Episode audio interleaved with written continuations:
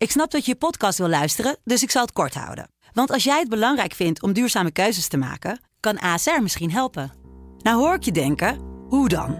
Nou, bijvoorbeeld bij het duurzaam herstellen van schade. Of de premies die we beleggen volgens ons duurzaam beleggingsbeleid. Dat bepaalt waar we wel en juist niet in investeren. Wil je meer weten over welke duurzame keuzes ASR maakt? Ga dan naar asr.nl/slash duurzame keuzes. ASR doet het. Zo, dan kan je nu lekker naar je podcast luisteren. In deze podcast van de Telegraaf elke dag het belangrijkste coronanieuws op een rij. De cijfers en de feiten met thuiswerkers Pim CD en Kamran Oela.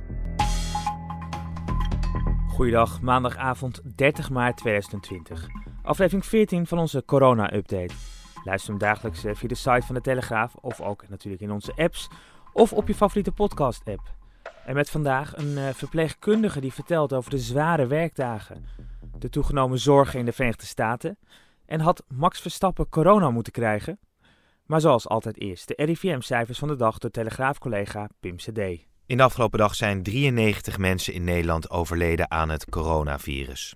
Een stuk minder dan zondag, toen er 132 overledenen werden gemeld. Het werkelijke aantal patiënten dat is overleden kan wel hoger liggen, want sterfgevallen worden door alle hectiek soms pas na enkele dagen doorgegeven.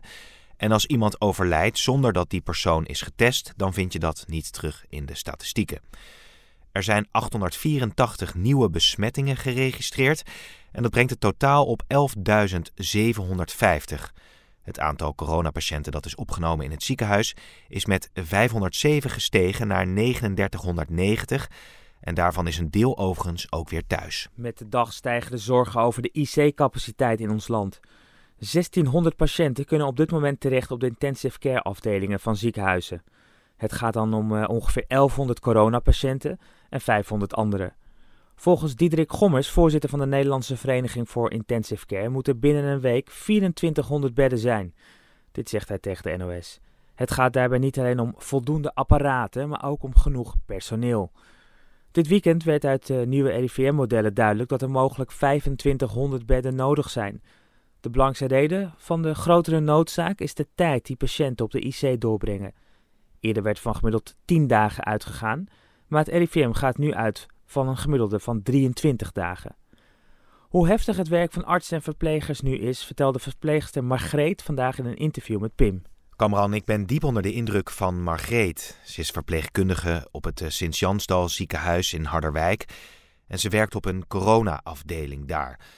Het moeilijkste voor haar is dat ze door al die beschermende maatregelen niet echt in contact kan staan ook niet met stervende patiënten. Dit klinkt heel klinisch hoor, begrijp me niet verkeerd. Maar als iemand uh, wordt uh, gelabeld als zijnde stervende, dan mogen er maximaal twee vaste bezoekers bij. Dus ook echt maar twee mensen en ook alleen die mensen mogen dan weer komen.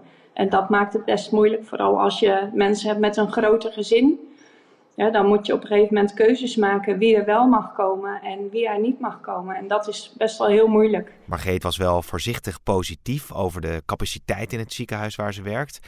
Want na haar afgelopen dienst zag het er naar uit dat er nog voldoende bedden beschikbaar zijn om coronapatiënten op te vangen.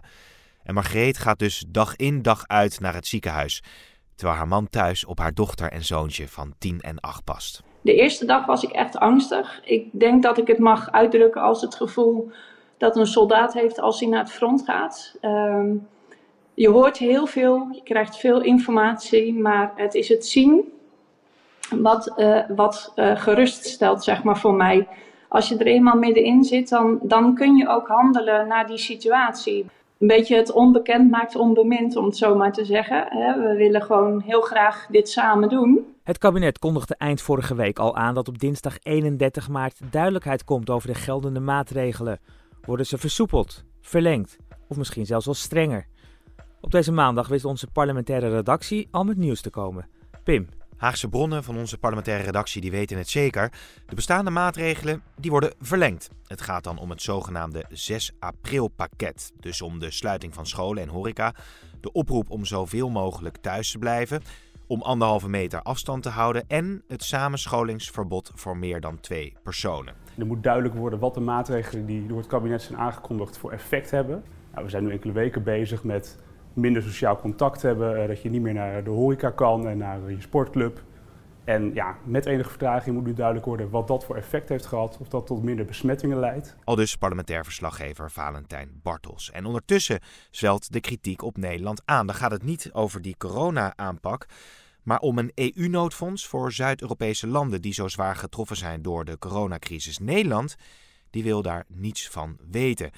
Nou, voormalig president van de Nederlandse Bank, Nout Welling, die vindt dat ons land wel open moet staan voor financiële hulp, omdat anders de EU uit elkaar zou kunnen vallen. Dat zei hij in het radioprogramma 1 op 1. Als wij zo sterk zijn, maar de rest rondom om ons heen valt om, dan vallen wij ook om. Wij zijn, zijn een druppel in een veel grotere, in een veel groter, een groter bad, om het nou zo te zeggen. En uh, dit is het moment van ultieme solidariteit. Uh, we moeten oplossingen vinden voor ons allen, in het belang van ons allen. Uh, dat onze schuldquote op dit moment wat lager ligt dan in, in de rest van Europa. Dat betekent niet zoveel als de rest van Europa omvalt. In een maand tijd werden talloze grote evenementen aangepast, uitgesteld of afgeblazen. Inmiddels is steeds meer duidelijkheid over die bijeenkomsten. Volgens het Nationaal Comité 4 en 5 mei is de verwachting dat de koning en koningin op 4 mei gewoon een krans zullen leggen bij het monument op de Dam. En na de twee minuten stilte en het spelen van het volkslied zal koning Willem-Alexander ook spreken. Zo is de verwachting. Inmiddels stromen de ideeën voor alternatieve herdenkingen binnen. Een woordvoerder vertelt dat één van die ideeën is om iedere trompetist in het land de tap toe te laten blazen vanuit zijn eigen venster. Nou, dat zou ook een mooi spektakel worden. Eerder was al bekend dat de Olympische Spelen worden uitgesteld. Nu is er ook een nieuwe datum. 23 juli 2021. Dan moet het grootste sportevenement ter wereld starten.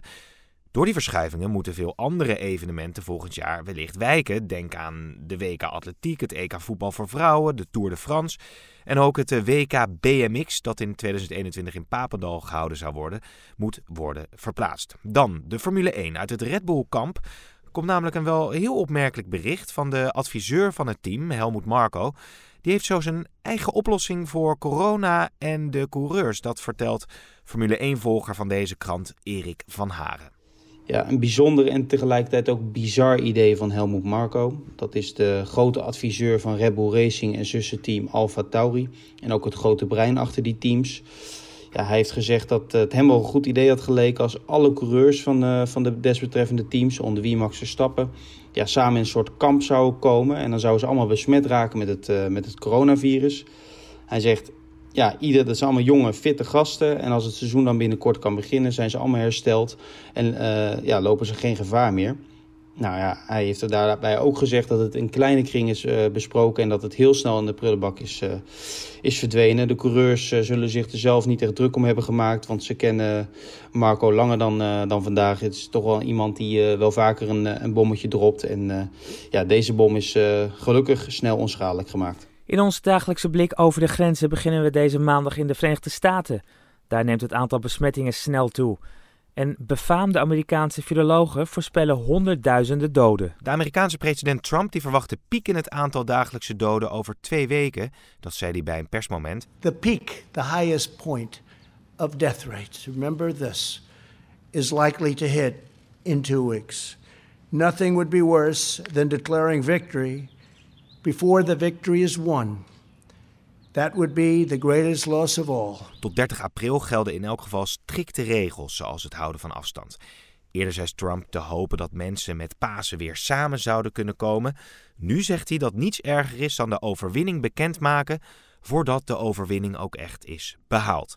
In de VS zijn 2470 mensen overleden aan het coronavirus.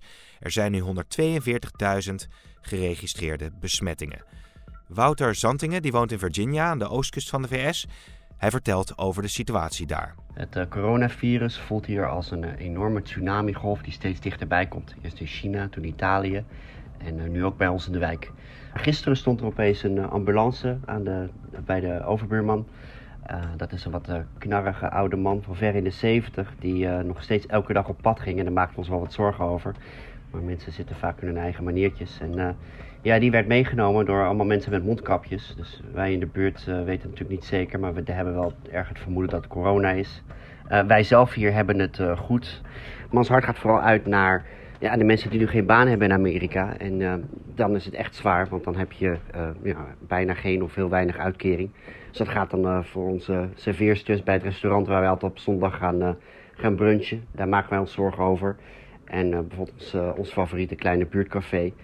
Uh, die, die nu probeert te bezorgen. En ja, daar bestellen wij toch de broodjes van die, die niet heel erg lekker zijn. Het is een, ja, een eiersalade kwam de vorige keer die niet echt super was. Maar we blijven toch bestellen, want we willen heel graag het, dat het café blijft bestaan. In veel andere landen zijn er nieuwe maatregelen genomen in de strijd tegen corona. Zo legt Vietnam het openbaar vervoer stil heeft Georgië een avondklok ingesteld en krijgt de Hongaarse premier Viktor Orbán verregaande bevoegdheden van het parlement. Hij mag, zoals het heet, per decreet het land gaan regeren.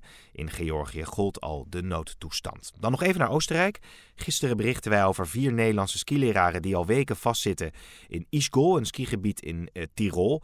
Vandaag komt het bericht dat wie zich bij de ambassade heeft aangemeld snel wordt opgehaald. De gestrande Alpengangers gaan binnenkort hopelijk in een geëscorteerde kolonne met hun auto's naar de grens. En van daaruit kunnen ze verder terug naar huis. Aan het eind van onze dagelijkse podcast nog korte coronaberichten door Pim. Zeker acht bemanningsleden van een Nederlandse onderzeeboot zijn besmet of besmet geweest met corona. Een reis bij Schotland is afgebroken. De onderzeeboot met in totaal 58 bemanningsleden aan boord keert vervroegd terug naar Den Helder. Iedereen gaat daar in quarantaine. Dan taxichauffeurs. Zij mogen dinsdag niet demonstreren op het Malieveld in Den Haag. Ze zijn boos dat ze vooralsnog niet in aanmerking komen voor het noodfonds dat veel ondernemers een vergoeding van 4000 euro geeft. Volgens de Haagse burgemeester Remkes is een demonstratie een bedreiging voor de volksgezondheid en kan het dus niet doorgaan. Kleine plus voor de AEX. De Amsterdamse beurs sloot 2,4% hoger op 475 punten.